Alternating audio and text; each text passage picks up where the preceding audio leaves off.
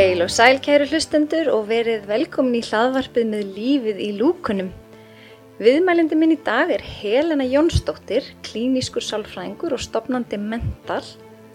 Helena held erindi á vinnustæð mínum í síðastlega vor, umgeð heilbriði og það kveikti svolítið í mér og ég áttaði mig á því að veljiðan starfsfólks er samfélagsleg ábyrð og að við getum ekki einungis haft jákað á eigin geðheilbriði heldur einni á geðhilsu samstarfsmanna okkar og samfæðafólks. E, Verði hjertanlega velkomin Helena og takk kærlega fyrir að gefa þið tíma til þess að deila visku þinni með okkur heinum. takk kærlega fyrir og takk fyrir að leiða mér að koma. Bara mín er mikil ánægja.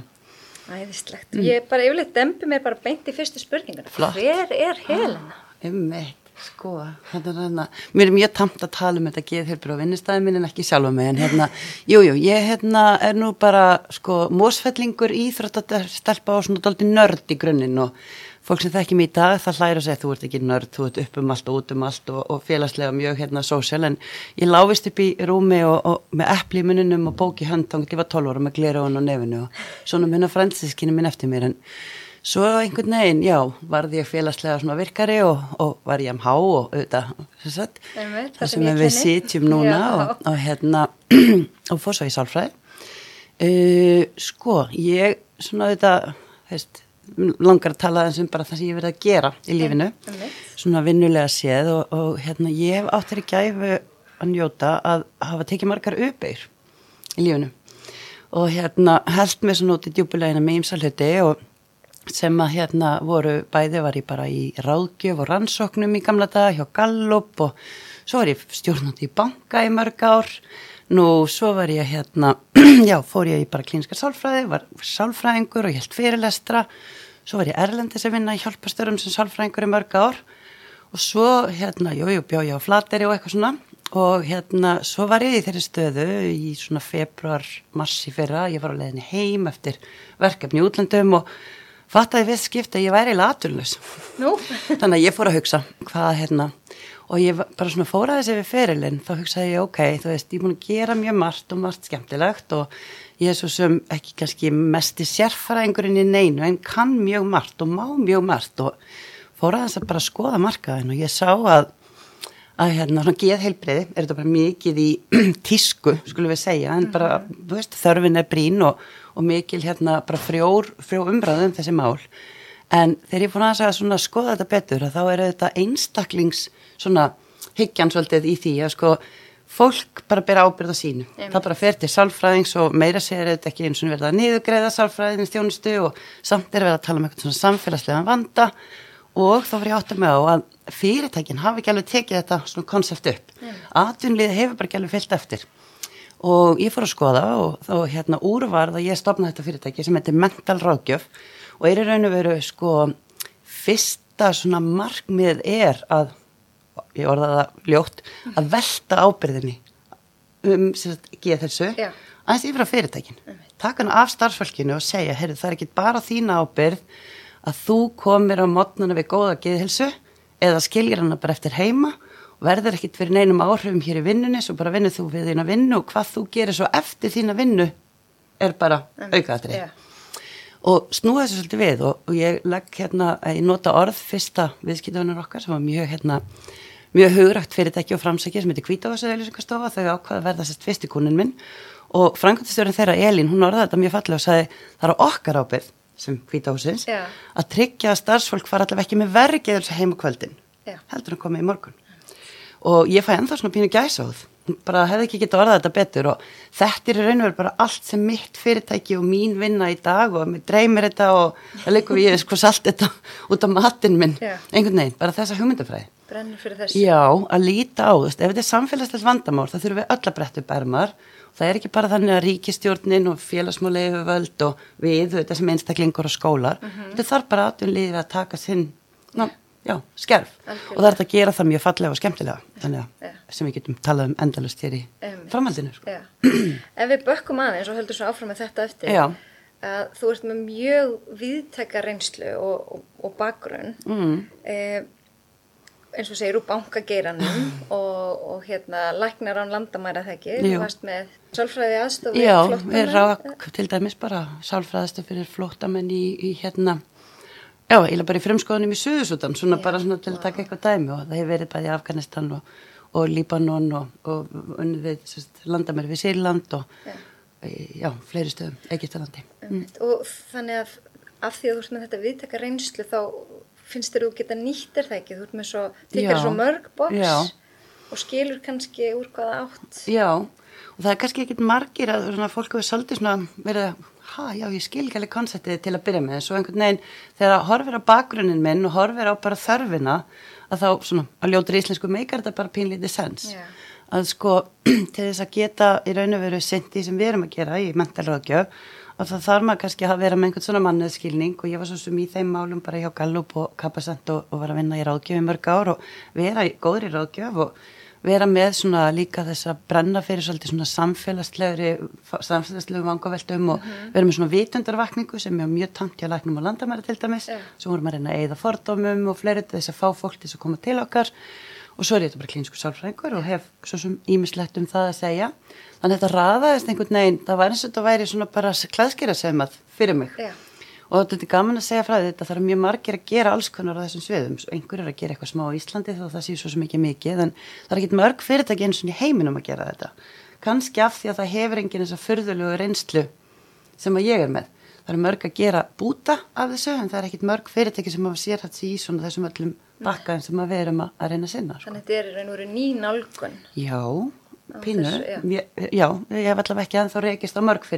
þannig að þetta er í raun og veru ný nálgun Já, pínu þessu, já. já. já, ég hef allavega ekki ennþá reykist á mörg fyrirtæki þannig að, já geð heilbriði hefur einhvern veginn fengið svolítið svona fordóma það er ekki okkur ekki eins tamt að segja ég er að fara til sálfræðings eins og ég segja að fara til tannlæknis Já. eða ég er að sko greppa til læknis Já.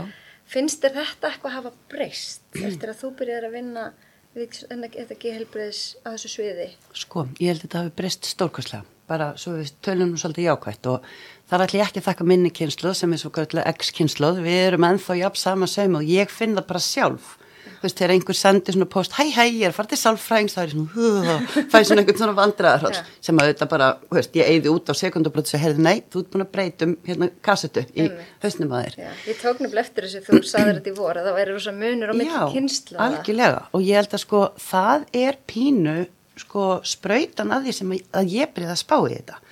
Að því að sko ég og mín kynslu við erum svona brett upp ermarnar hætti þessu helvitis væli típur sem erum algjörlega veist, jú, við vorum frábæri vinn og allt það, en við erum öll meira að minna út brunnun og kulnu og komið ógjað þessu öllu og þú veist, ég er hún 50 og ég nenni að alla vinna lengur af því maður er bara búin með skamti fyrir lífið. Á meðan að sko hér eru einhverjar yngri kynslaðir sem að er að mæta í vinnu og setja hana bara ekki neitt forgang og ég er bara ekki til í þetta bull lengur.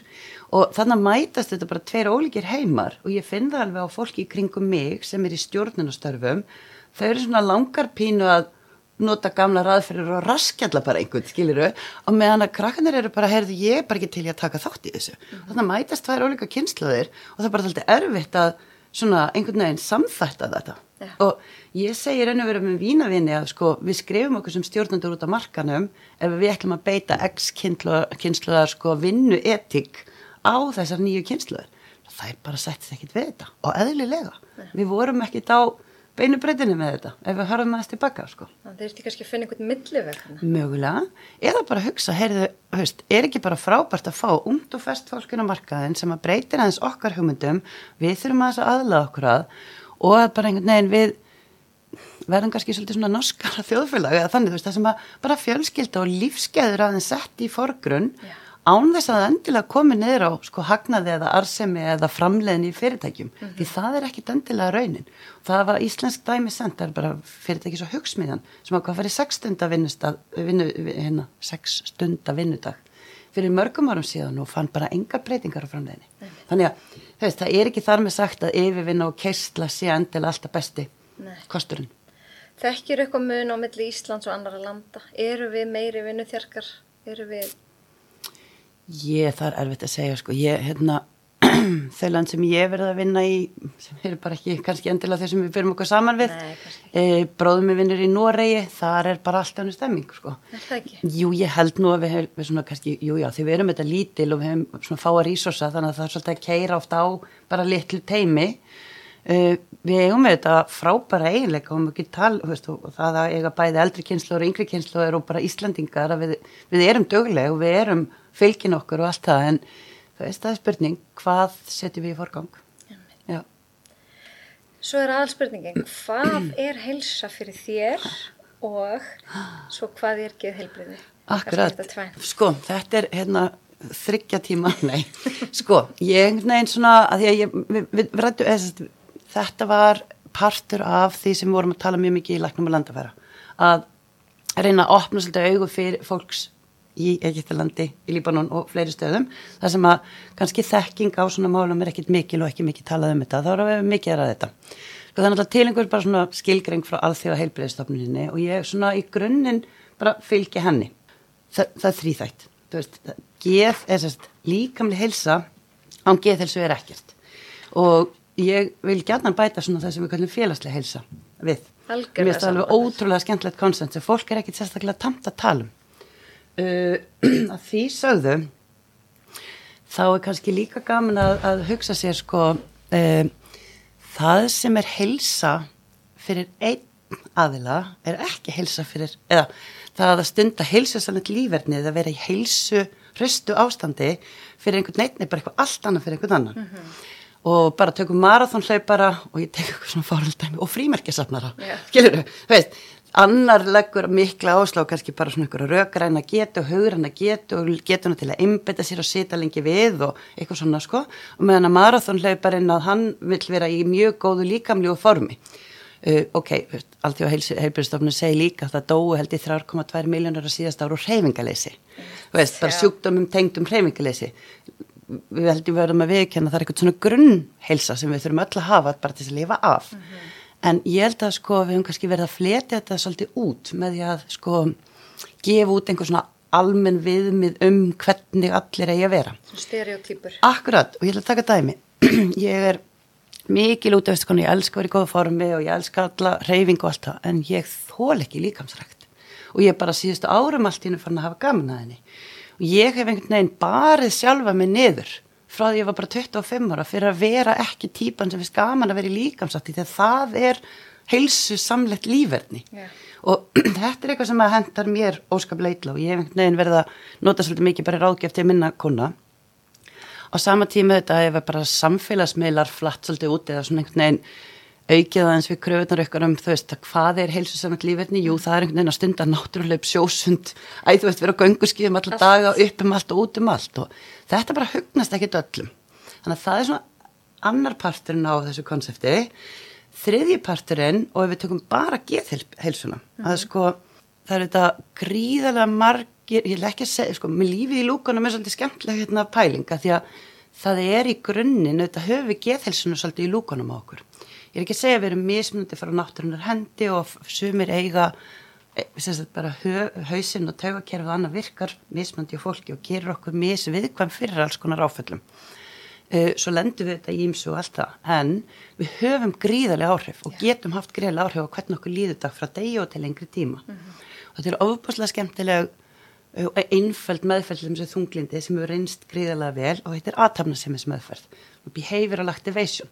Það er að nota það sem við kallum ánægilegar aðtapnir til þess að hafa áhrif á hvernig okkur líður á hverjum degi.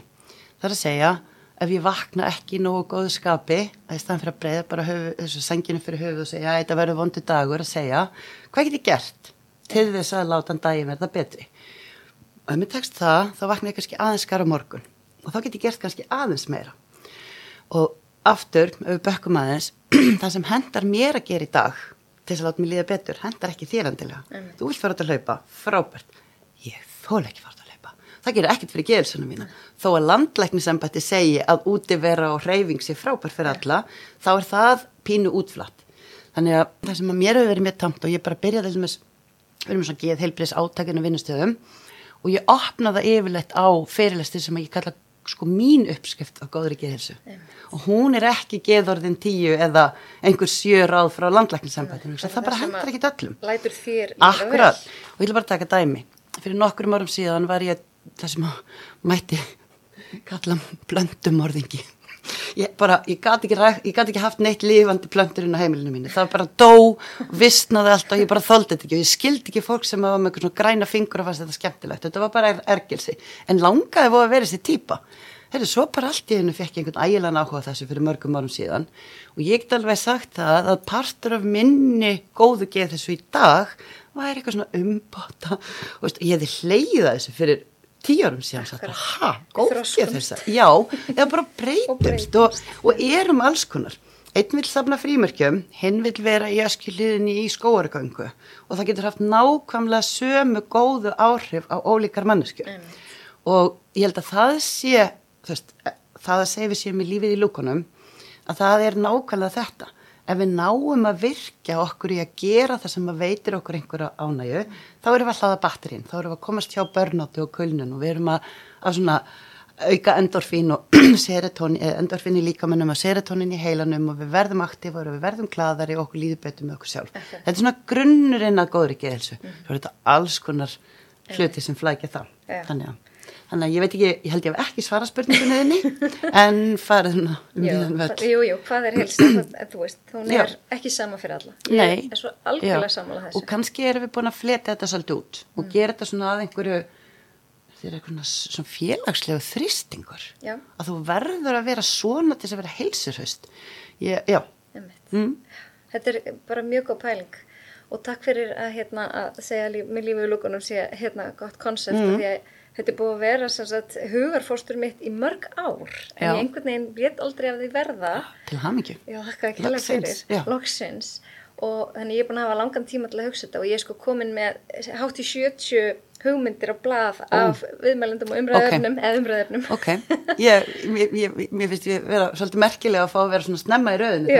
Það er gaman. en, en þess vegna sko að því þú veist að tala með lífið í lúkunum já, að markmið er að allir geti fundið einn eða tvo þætti akkurat. sem henda sér. Flott, já. Veist, þú þarft ekkit endilega að hafa áhuga eins og þú segir náttúruhlaupum ef við tala einhvern um það. En þú hefur kannski allt í einu á, hérna, áhuga á líkamsvirðingu eða taugakerfinu eða bandurslósun sem er búið að Já, já, eða, já, eða henni sem var með hérna svona útilífs Já, náttúru, einmitt. alveg, hún bara hérst mér, já, já, hvað náttúran er heilandi og heilandi algjörlega, já, það er einmitt eins og þú segir, það er kannski heilandi fyrir einn algjörlega, en kannski ekki fyrir annan nákvæmlega, þannig, já, það er aðeinslegt yes, Ég las einhver staðar af sagt, mental ráðgjöf því hveti til þess að geðheilbriði og, og hérna, eða því hveti til geðheilbriðis og veleinar vinnstað Mhm. og þetta verði forgangsverkefni á landsvísu á þessu ár. Mhm. Hvernig gengur það? það gengur bara vel, held ég, eða sko, ég held að mjög, viti mjög margir af okkur, við höfum verið að reyna að koma okkur að í bauta bara við tölum og annað slíkt og höfum verið að, að bjóða fyrirtækjum og félagsamtökum upp á fyrirlestra. Það er svona eitt af markmiðunum okkar eða ég held að okkar velgengni sem fyrirtæki og að við náum bara að vinna í þessum málum, það snýr svolítið að því að okkur takist að fá umræðin í gang. Að geð þess að sé ekki engamál hvers og eins, við þurfum einhvern veginn öll að taka saman höndunum, fyrirtækin þurfa að axla sína, sinn hluta af ábyrðinni og við erum svona verið að reyna að gera það sko á svolítið jákvæðan og uppbyggilegan hátt. En það er þetta líka hægt að taka það er þetta að taka þetta koncept út frá bara svona nokkrum ólíkum örmum ef við skulum segja. Að sko þegar ég segja þessi forgangsverkefni stjórnanda uh, ef við ætlum bara að hugsa um fyrirtækið okkar að þá er þetta bara, við vitum það að það er aukin kostnaður undanfærin ár bara í tengslu við veikindafjárastir og bara fjarvistir starfsfólks og við vitum að, að í mörgum fyrirtækjum eru fjarvistir uh, starfsfólks vegna geðhilsu yfir helmingur. Og við erum að tala um í mörgum fyrirtækjum eru kannski 10-15% fólks, starfsfólks fjarverandi á hverju með einsta degi og kannski helmingurinn af því engangu vegna andlera veikinda. Það er háar tölur. ofbúslega, og ég vil taka dæmi. Bara, þú veist, 350 mann starfsfólks sveitafélag út af landi það eru 6700 veikindadagar á ári Wow. yes. það kostar sveitafélagi 270 miljónur á hverja einasta ári og það hefur svo sem verið, það, það, það, þetta er svo frekar nýtt fag sem ég er að vinni, það er ekki til mikið af svona einhverjum yfirlitsansóknum, en Deloitte hefur gert gríðalega skemmtilegar úttektir og sagt að sko fyrir hverja miljón sem við verjum í forvarnar, fræðslu og umbreytingaverkefni í tengslum við geðhilsu getum við fengið á bylunu 5 til 9 miljónir tilbaka, bara í svona arðsemi á. Veist, já, þannig að þetta er svona einn og þetta kallar maður svona sársaukin sem við viljum leysa. Þú veist, áskorðarnar innan fyrirtækja sem við viljum leysa. Við getum líka tekið þetta út frá því að bara viljum við ekki bara vera næs sko, fyrirtæki, næs stjórnendur og koma vel fram við búa þannig og hlúa að starfsfölgin okkar að því líði vel að því langi til að koma í vinnun á mótnana og fara ekki algjörlega búið heim á kvöldin með einhvern veginn óbræði í munnunum það er svona bara, post, já, þetta er einhver svona bara humanity Já. hugmyndir. Uh, svo er þetta til bara sko, eitthvað koncept sem heitir samfélagsábyrð og svona, uh, hérna hvað heitir sustainability Vá, það er bara allt í einu stó, Já. stólið úr minni það er svona, Það já, þessi svona tísku orða það er sko, það er verið að tala um að fyrirtæki þurfa að sína samfélagslega ábyrð með því að huga að, þú veist, samfélaginu, umhverfinu og svona félagslegum þáttum. Og fyrirtæki hefur verið mjög dögleg í mörgu þessu og bara umhverfis þátturinn og það er allir að gefa út einhverja samfélagsskýslur og allt þetta. Það er ekkit rosalega mikið talað um mannuðinnar og mig langar til þess að geðheilbriði verði fremsti þátturinn í því að fyrirtæki uppfylli samfélagsábyrðina sína á félagslega sveðinu. Þannig að við þurfum að, svona eins og grænfánaverkefni, þurfum að taka upp bara bláfánaverkefni. Já, nei, alvöru, já, það væri draumurinn minn.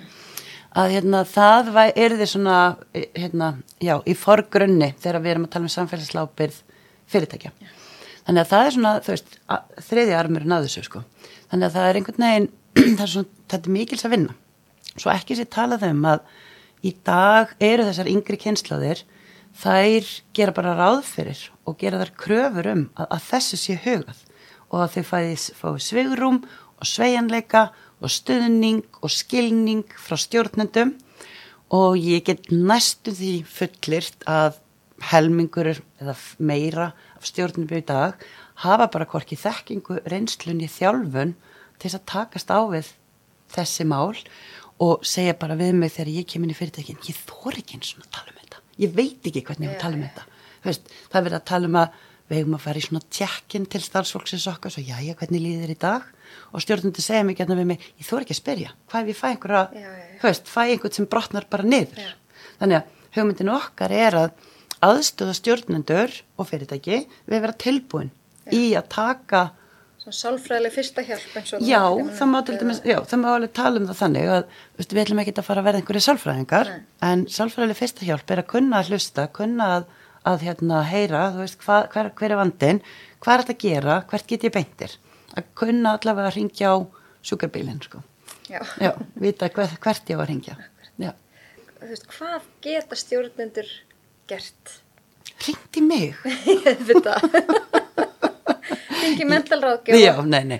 Sko það er, það er mjög margir hlutir. Það er til dæmis bara, hérna, sálfræðileg fyrsta hjálp. Það er svona bara fyrirlestur vinnustofa sem við hefum getan komið inn með.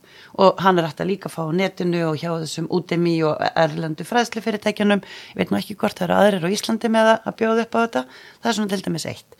Og við höfum í raun og veru líka verið að aðstofa fyrirtæki við að búa til það sem við kallum svona stjórnendatakt. Það sem að við búum til takt í samskiptum þínu við starfsfólkið þitt þannig að þú sért í þannig uh, samskiptum við það að þú getur spottað eða greip, búið kjensla á svona snembæri merki um að það sé ekki allt í lægi og vitir þá, ok, ef að sta, starfsmörnum í ásandi A, þá er þú veist, bara viðbæðsáallun B og viðbæðsáallun, þá meina ég ekki almannavarnir útkall, heldur bara þú veist, hafa samband við veita, hérna viðkomandi einhvern stöðning í formi sálfræðings eða annað þannig við hefum verið að búa til svona ferli fyrir fyrirtækin sem við kallum viðbæðsáallanir og við hefum verið að þjálfa stjórnundur í að geta verið það í þannig tengslum að þeir geti buðist við nógu snemma, gripið inn í og veittan stöðning sem að þarf bæði aftur til þess að forða bara fólki frá veikinda fjárvestum en líka bara til þess að vera næs. Alltaf, já. En hvað getur við, sko, ef við tökum ekki bara stjórnendunar, heldur bara allir sem vinna á ákveðinu vinnustað. Já, Hvað, sko, hvað er það sem hefur svona mest jákvæð áhrif á geðhilsu? sko Og, ég, og líka hvað hefur neik, mest neik? Já, já, sko það eru ef að við hérna það er svolítið erfitt að segja, svara þessu með einum hætti en það eru, við vitum að það er ákveðnið þættir í bara svona starfsumhverfi og stjórnunarháttum sem hafa mjög slæm áhrif og bara efstablaður er til og með bara óskýr hlutverk okay. ef starfsfólk veit ekki 100% hvað að gera okkur með einsta degi þannig séð og veit ekki hvað það þarf að gera til þess að standa sig þá líður því illa uh -huh. og óskýr hlutverk má þetta bæta bara með meiri samskiptum, starfsmanna samtölum og öllu því en líka bara góðum starfslýsingum góðum teimisfundum, það eru mjög margir þættir uh -huh. bara svona sem dæmi, það eru ímið svona struktúrbreytingar sem er hægt að fara í uh, við veitum líka að svona, uh, ég ætla ekki að segja fordómar, en svona ákveðin þöggun. Yeah. Það er að segja, ah, við tölum bara ekkit um þetta, þá er þetta ekki okkar vandamál. Yeah. Það hefur mjög slæm áhrif. Ekki smá meðvirkni. Já, svona eða svona, og jáfnvel bara, ég, ég, ég veit ekki hvað ég að gera við þetta, e, og ekki bara leifa starfsfólkina að hafa þetta í friði. Og svona, það er kannski það sem er okkur mjög hugleikið fyrir utan einhverja svona struktúrbreytingar og þjálfastjórnendur, er að bara og ég var það þannig að bara setja þessi mál á dagskrá mm -hmm. Uh, ég ætla að vitna í fyrirtæki sem ég ætla ekki að segja hver er núna af því þau eru svona bara þessa dagana að fara public með það að séu vinna í þessu málum en þetta er svona frekar ungt startup fyrirtæki sem er mjög öllvaksandi með mikið ungu fólki. Og þar var stjórnandi sem að lendir í alveglegum veikindum og, og sem má mögulega einhverju reik, leiti reykja til ofkjærsliðinu og hann var algjörlega brunnin út og kölnaður og já og hann hefur samband við okkur út af sinni reynslu. Og það að hann tali svona sem yfir maður og, stopnandi fyrirtækisins það setur tónin mm. uh, að við séum sagt, á öllum levelum að þá séum við opinn og það er ekki þar með sagt að við ætlum að sitja kaffestun og gráta saman út af sko, æsku áfællunum því stöldum sér fólk það einhvern veginn fyrir sér sem er þetta bara ykt mynd. En að við séum bara opinn, þú veist, bara, ég, ég er að sofa mjög yllað, mjög erfitt heima ég þarf smá sveginleika eða ég þarf bara svona, þú veist, er það til að klappa aukslinn á mér? Eða bara ekki, þú veist þetta þarf ég frá ykkur, að við séum einhvern veginn bara svolítið opinn og hreinskiptin með það að okkur getur lið alls konar og þó við hafi ekki endla áhrif á vinnun okkar að þá séu það bara það það mikilvægu þáttur í bara því sem við, hvernig við erum saman inn á vinnustæðanum. Mm. Þannig að það getur verið til dæmis bara annar hlutir er að koma inn með bara smá fræðsluherrferð. Við höfum uh, verið að vinna með fyrirtækjum í alls konar bara svona leikjum til þess að koma þessum hlutum á dagskrá, alls konar viðbörðir. Við erum að innlega svo kallar geð helsustefni í fyrirtækjum og partur af því er að bara opna umræðina. Ja. Númer þrjú er bara fyrirmyndin í stjórnundum almennt og fólk áttast ekki á því að uh, til dæmis að ég segi sko það er mín stefna sem stjórnandi í fyrirtveikinu hér er ekki sveginleiki en ég er alltaf í vinnunni frá kortir yfir sjö til kortir yfir sjö Já. Það er engin annar að fara heim. Nei, Æ, það, og ekki bara í sveginleika heldur í umræðinni og í bara því hvernig við tölum hvaða stjórnunastíl ég nota hefur algjör áhrif á hvernig fyrirtæki funkar og sérstaklega í minni fyrirtækjum. Þannig að svona fyrirmynd og bara vinnumenning og samfélag, eða svona, sam, eina, hvað er það svona, já, bara svona vinnustadamenningin, hún mótast mjög af eftir þessu eftir höfðunni dansa limitnir, sko. Þannig að það er svona kannski annar þáttur sem okkur hefur verið tamta að reyna að vinna með stjórnundum og fyrirtækjum í að, að hérna, hvað segir maður, walk your talk. Já. Eða svona, já. En ef við erum ekki að taka stjórnunduna heldur bara, já, hvernig bara, get ég haft ákveð, góð orðið á þig? Mm geðfélsulega séð já, já. Um, sko ég held að kannski það fyrir svolítið eftir hvaða típur við viljum vera. En við hefum verið til dæmis að einlega það í nokkru fyrirtækjum að sko við ætlum að vera svona, við ætlum að tengjast, við ætlum að tala saman. Og ég ætlum að láta mig þig varða. Og það er einn af þeim þáttum sem að ræður mig miklu, ég var að tala um frá alþjóða heilbísmálastofnuð að gefa út þætti sem hafa neikvæða áhrif á geðilsu einn af þeim þáttum er uh, sagt, vöndun á tengslum inn á vinnustænum mínum já ekki vinið af vinkonu. Ja, það er enginn sem að lætur sig mig varða mm -hmm. eða þykir andu mig og myndi kannski ekkert eins og dag eftir því ef ég kem ekki vinnuna. Þetta er held ég punktur nummer 1, 2 og 3 að við pössum að og þarna koma svona ó, hvað heitir þetta, sko, inngilding og fjölbreytileiki auðvitað gríðalega mikið inn í að við séum, það sé allir með og við vinnum að því statt og stöðugt inn á vinnustöðum sem stjórnundur og starfsfólk að passa að það sé enginn skilin út undan. Veist, við, við eigum öll eitthvað svona bötti eða vin í vinnunni. Við passum okkur upp á að þó einhver sé eitthvað öðruvísi eða kannski eigi sér til að draga sér hlið að passa að hafa fólk með á sama tíma. Þetta við við ykkur bara fyrir mörgum hvers og eins. Þannig ég held að svona uh, já, að tilhera Tilheyra. já, og að passa við tilherum og passa að það að tilhera þýði að það, veist, það er einhver sem að spyr mig og ræður við mig og allt það ok, þetta hefur auðvitað bara góð áhrif á okkur bara, veist, við vitum alveg hvernig það er bara einhver sem segir Helena. Og ég er svona, hæ, er bara manns nafnu mitt, þú veist, það að einhver sín ykkur áhuga, það er bara það er svona samanlega góð tilfinning sem er falin í því það er kannski, kannski svolítið tengt þessu að hafa tilgang í lífinu Já, Svona. vera einhvern veginn, vera partur af einhverju og tilhera einhverju og hafa, já, einhver tilgang hafa mig sér hlusta og ég skipti einhverju máli. Að því við erum 7,1 miljardar og það er svo næs að vera allavega, ég sé ekki nema eitt lítið peði í þessu öllu saman og einhver takk eftir því að ég sé að færa mig til. Það er svona kannski, þú veist, fyrsti þátturinn af þessu eh, er svona bara að, að já, við fáum einhverja tilfinningu um að við, við það er mjög góð afleiðing af því að ef við erum döguleg í að passa på allir séu með og allir tilheyri og við séum að spörja og láta okkur hvort annað varða að þá getum við greipið fólk. Fyrr. Uh, við hefum séð og ég hef séð inn á vinnastöðum fólk sem var algjörlega augljóst að vara að kóðna niður uh, gersamlega að fara og búin að vera þetta brúninni lengi. En af einhverjum ástæðum alls konar samskipta, erfileikar og stjórnunar erfileikar og annað, bara allir hort framhjá. Og svo einhvern veginn verður fólk voðað að hissa þegar við komum til fyrir út af brúninu, sko. Og það er auðvitað bara sorglegt, þess að þannig eru við, veist, við erum samfélagin og vinnustad og þar þurfum við að passa upp á það að það skipta allir jafn miklu máli og, og við einhvern veginn tilherum allir sem hópi, þannig að við gleymust ekki. Það er að grípa einstaklingana með fræðslu og forvörnum Já, og og bara tala saman, Tala bara hæ, Erla, er hérna, þú veist, ég sé út búin að vera rosa döpur undirferð, er allt, er allt í lægi Akkurat. og kannski vil við komum til bara ekkert tala um það, það er bara fínt. Og við þetta þurfum að kunna svolítið að nálgast þetta og það er það, er það sem að við erum að reyna að þjálfa upp hjá fólki Mhm. og, og hveta til umræðu um hvernig við eigum að bera okkur að, að við getum heldur ekki verið svona bara í andlutinu og hvort það er að segja, já, hvernig líður í dag, einhvern veginn, þannig að þetta er svona, þetta er ákveðin lína en að við gerum þetta og við gerum þetta markveist og við vitum þá hvernig við eigum að bregðast við og fáum leifi hjá viðkomandi að segja, heyrðu, má ég, hérna, tala við yfirmannin eða vilt þú að ég komi með þér og, eða hvernig sem við getum gert það, sko. Þannig ég held að það sé svona afleðingina af þessari ingildingar hvað varðar geð þessu og velíðan og hún er svo að við getum greipið hvort annað, við getum forðað bara mannlegum hörmungum já, svo ekki sér talað um bara kostnað og alls konar slíka hluti, sko. Þannig, já. Bæði sko hilsufarslegur kostnaður og fjárhagslegur kostnaður Já, og bara og mannlegur þess að það að líða illa í vinnu og eða hvort sem manni líður illa þegar maður kemur í henn að ekki og, og vera einhvern veginn að ströggla sem er íslenskt orð ég er að, já, ég var að komast að einn daginn ég er ekki að sletta að, veist, svo við séum ekki að ströggla í einhvern óakveðin tíma eða langan tíma og, og finnist eins og einhvern veginn öllum sé saman um það.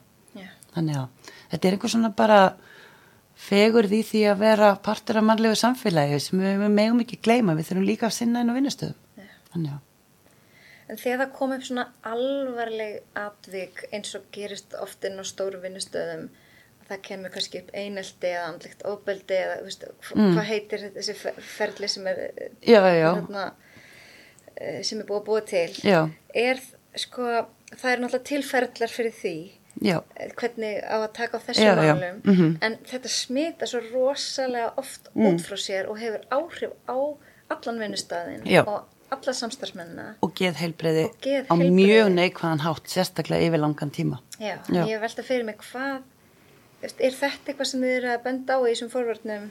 Já, algjörlega.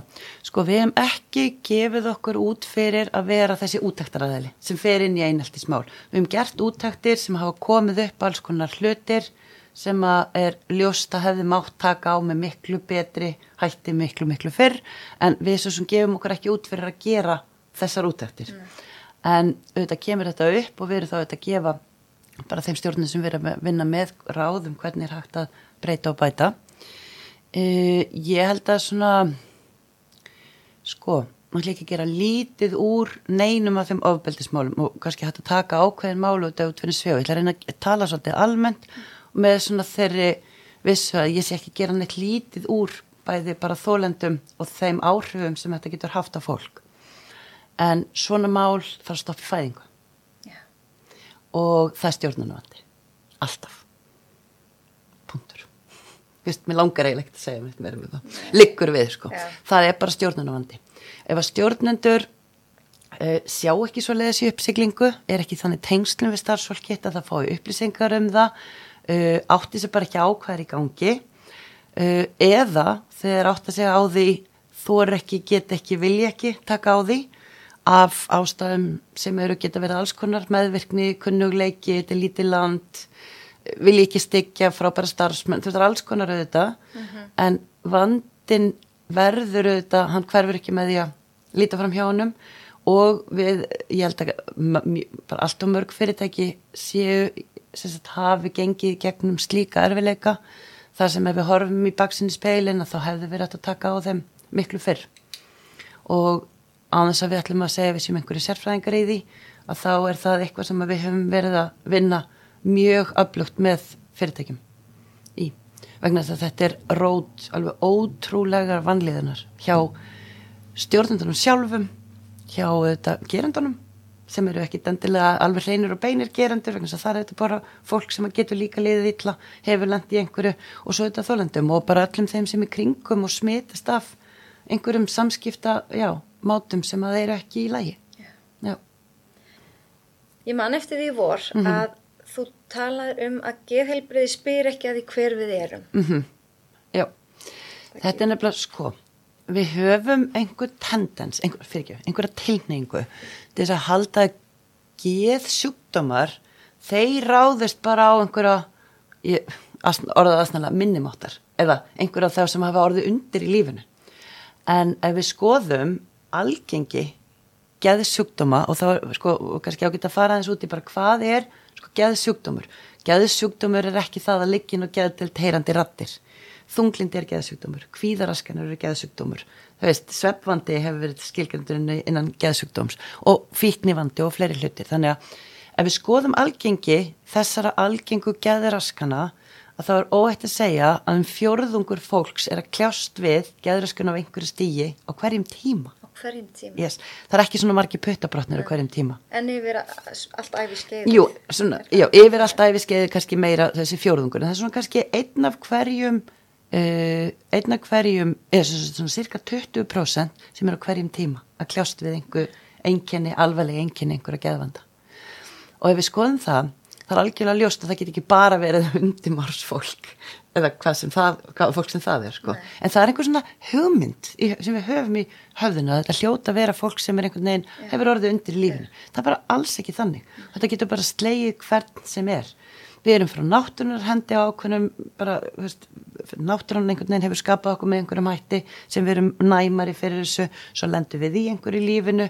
Og ég, menn, ég hef sjálf og ég, ég hefði aldrei trúið því bara af því að vera ekki að vinna í dálítinn tíma sem var mitt val var ég svona komin á, á ég myndi segja svona, ekki þunglindi en þú veist, alveg nálætti bara með einhverju svona vanvirkni yfir lengri tíma. Og ég held að fólk sem þekki mig myndi verða mjög hissa ef ég segi, ha, þú þunglind, nei. þannig að þetta er eitthvað, hún spyr bara ekkit að því hver við erum. Uh, það eru alls konar aðstæður og bara tímabil og atbyrðir sem að geta gert það að verkum að fólk byrjar að þróa með sér uh, yfirleitt yfir einhverju lengri tíma stundum í kjálfar einhverja skyndilega atbyrða stundum í kjálfar einhverja svona erfiðra tímabila. Og jújú, jú, við getum alveg sagt að ákveðnar raskanir eru líklegri hjá öðrum, þú veist, kulnun sem er endur ekki skilgjant sem geðröskun eða geðsugdómur heldur bara svona vinnustæðavandi eins og stanni í dag, Já. en það er önnur saga Hún, það er ákveðna típur, það er svona einhverjar með smá fullkomnanar áráttu og tí, típur sem eiga til að stressast upp og vilja halda öllu svolítið svona, það eru kannski típur sem eru líklegri, en í grunninn þá er ekkert spurt að hverju þú ert, sko. Ég þekki nefnilega marga, því miður, Mm. allt og marga sem hafa lent í kulnun Já, og það erfiðasta þegar ég hef rætt við þetta fólk, það erfiðasta fyrir þá er eigin fordómar. já, algjörlega. skammast sín algjörlega. sem er svo skakt af því að þetta er ekkert En það er kannski partur af ástæðinu fyrir það þið landi kulnun í upphafi sko. Þetta er kannski, þú veist, þarna er við þetta, kulnun er einhvert ástand þar sem þú ert að halda á allt og mörgum boltum í einu og þér finnst, já, og þú finnst þú vera að missa þá alla á hverjum einasta degi. Og það að að því það er það er pínu líka svona félagslegs þristingsvandamál minnst ég verið að þurfa að vera frábær á öllum vikstöðum og það er ekki hægt að því það er bara margir boltar. Þannig að e, það kæmi ekkit að óvart ef að ég bara kann ekki rannsóknar niðurstöður með það að það væri fólk e, sem að lendur í kölnun að það sé, því kannski, kannski meira andum eða verði meira eða auðveldar fyrir einhvers konar þristingi heldur en þeim sem er frekar slétt það segir segila sjálft. Já. ég skrifaði einhvern tíma grein eða, á bloggi mitt sem er á heilsuerla.is mm. sem heitir velgert ofurkona.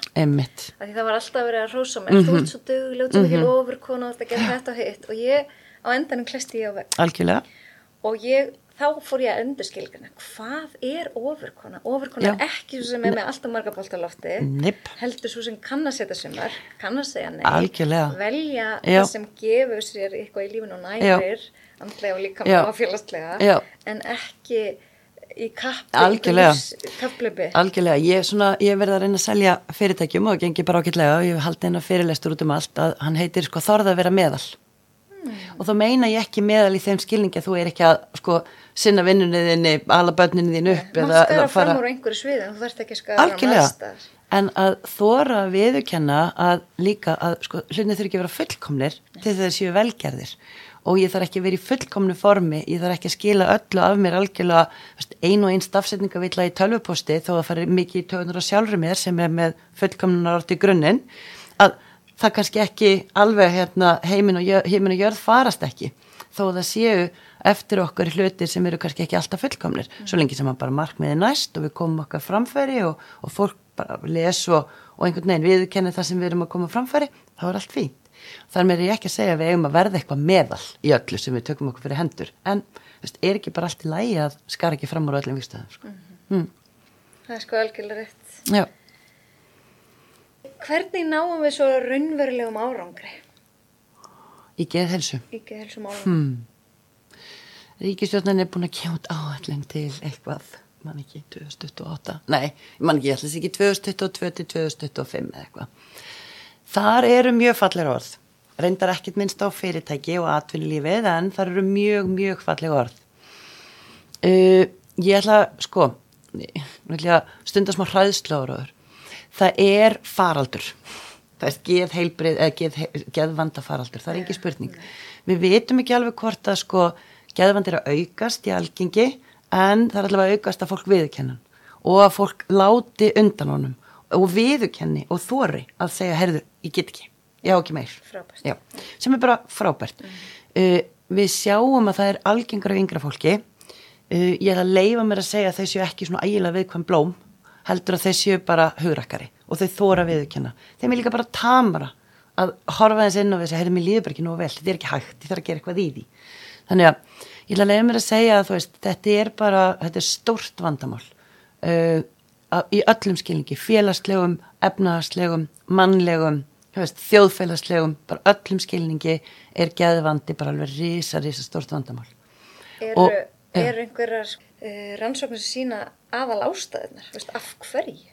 Nepp, nei. nei, nei, sko, við vitum sem, við, við vitum alltaf lítið um heilan við vitum ekki af hverju einhver þróa með sér kviðaröskun eða af hverju manneskja sem að verður fyrir áfalli, tvær manneski verður fyrir sama áfalli, önnur lappar út ok, hinn með áfallastreitur öskun við, við, við vitum svo sem ímislegt um ferlin sem að við, ef við svona getum greipið mjög snemma inn í, þá getum við komið veg fyrir að fólk þrói með sér þessi vandamál, mm -hmm. en við vitum ekki af hverju ein manneski er líklega til þess að þróa þið með sér ánaðstöðar yeah. eða forða sér frá því að þróið með sér á næstar en ekki hinn það veitum við ekki. Hefur þið lesið bókina The Body Keeps the Score. Já, það, það er algjörlega. Já, þú veist, við veitum að það er til eitthvað sem heitir kvíðanæmi. Það er svona einhver mjög algeng hérna, skýring í sálfræði í dag að uh, við hugsaum bara svona bregðinbönn versus ekki. Uh, það er ímislega sem segir til um að þau séu haldin því sem við kallast kvíðanæmi. Og auðvöldasta sko útskýringin á hvað er, hvað er kvíðinum og hvað ekki. Ég og annur manneskja getum sest neyri stól hjá hjúgrunarkonu, hún spröytar í okkur adrenalíni sem er kvíðvaldandi efnið, efnið sem kemur fram þegar við lendum í kvíða. Sam eða þannig magni að það ætti að valda nákvæmlega sömu lífveðrislegu viðbröðum hjá okkur báðum. Önnumannskjan bilast úr kvíða við þessa spröytu, hinn er sallaróleg og við veitum ekki af hverju. Okay. Og þetta er mögulega, ef við gætum útskýrt af hverju þetta er, þá verðum við mögulega að koma með svarið. Allavega eitt af þeim. Við veitum að uh, það er ímislegt sem að uh, fólk lendir í sem að það byrjar að þróa með sér í kjálfærið annarkvært þunglindi, áfallastreyti röskun og kvíðaraskanir. Við veitum mjög vel við get, hvernig við getum aðstofa fólk grípu við nú að snæða minni til þess að forða sér frá því að lendi í þessu. Uh, ég hef sjálf lendi alverlegu, sagt, lendi bara því þegar að vera í bæ þessum snjóflóð fjall og það var bara hræðileg nótt og ég man alveg næstu daga og næstu vikur þar sem ég var að upplifa það sem við kallum svona flashback og endur að endur upplifa atbyrðin og allt sem við lendum í og allt það. Ég eins og þessi sálfræðingu vissi nákvæmlega hvað þetta gera og ég vissi það frá upp á, ég myndi aldrei þróa með mér það sem að hétti áfallast reytur öskun. Yeah. Ef við getum kjent þetta, bara sem dæmi.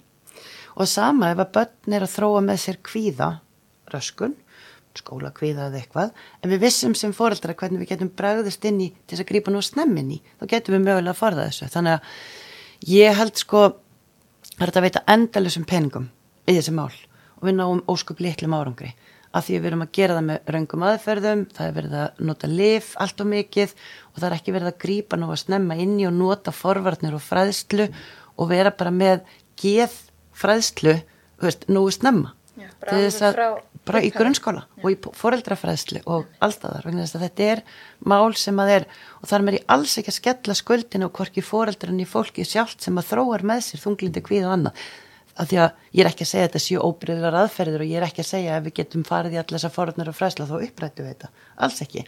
En ég er alveg vissum að við gætum gert þetta bærilegra og við gætum náð árangri. Þetta er hens vegar þannig struktúrbreyting og þjófélagsbreyting ég er ekkit vissum að hún sé eitthvað gerleg. Þetta er eitthvað svona drauma heimur sem ég er að tala um en ef ég væri fórsættisræður eða heilbreyðsræður ég er ekki vissum að ég myndi skrifa þetta inn í stefnun og byrja á þessu morgun sko.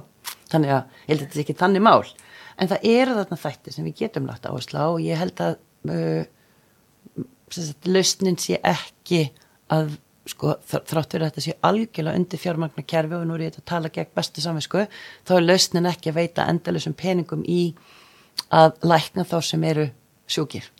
Heldur fyrirbyggja. Algjörlega. Og það er þetta það sem við erum að reyna að gera í þessu, sko, í mentalráðgjöf, erum að reyna einhvern veginn að segja, herði þú veist, þegar að fólk er komið í kölnun, það er bara seint ég fengi til mín fólk sem er komið í svona það sem ég kalla bara alvöru kölnum, það sem það kemst líkamlega ekki fram á rúmunu það er bara tveggjar á ferli að koma því fólki aftur í vinnu. Og sorry það er bara seint að fara að grýpa þá inn í og senda fólk til salfræðings þegar það brotnar saman inn á skrifstu og hjá mannestjórunum sko. það er eitthvað sem við áttum að grýpa miklu fyrr og þar bera fyrirtækin bara sem partur af þessari mannlegu ábyrð sem við berum öll á hvort öðru og bara sem auðvitað vinnuveitandi sem er uppspretta auðvitað vinnustæðurinn er uppspretta streitu og all, alls þessa. Þannig að bera fyrirtækinn bara tölur vera ábyrð og, og mig langar að vera allavega partur af því að reyna að einhvern veginn fræða þau, hjálpa þeim gefa þeim tólinu, tækinu og þjálfurinu og fræðsluna til þess að geta tekið þessa ábyrð alvarlega og einhvern veginn tekið þátt í þessu samfélagsverkefni mm. algjörlega.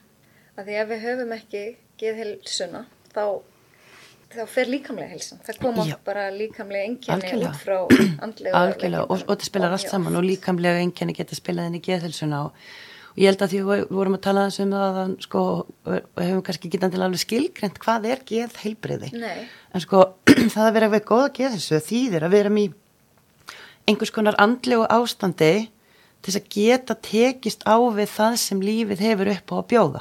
Hvort sem það er að nýta tækifærin, þú veist, nýta hæfileika okkar, takast á við áföll og áskoranir og, og, og einhvern allan annan djöfildóm sem að þú veist, þetta getur verið bæði hundlegilegt og frábærlega skemmtilegt og við þurfum einhvern veginn að vera í andlegu ástandi til þess að geta verið á báðum vikstöðum ok, sko. Yeah.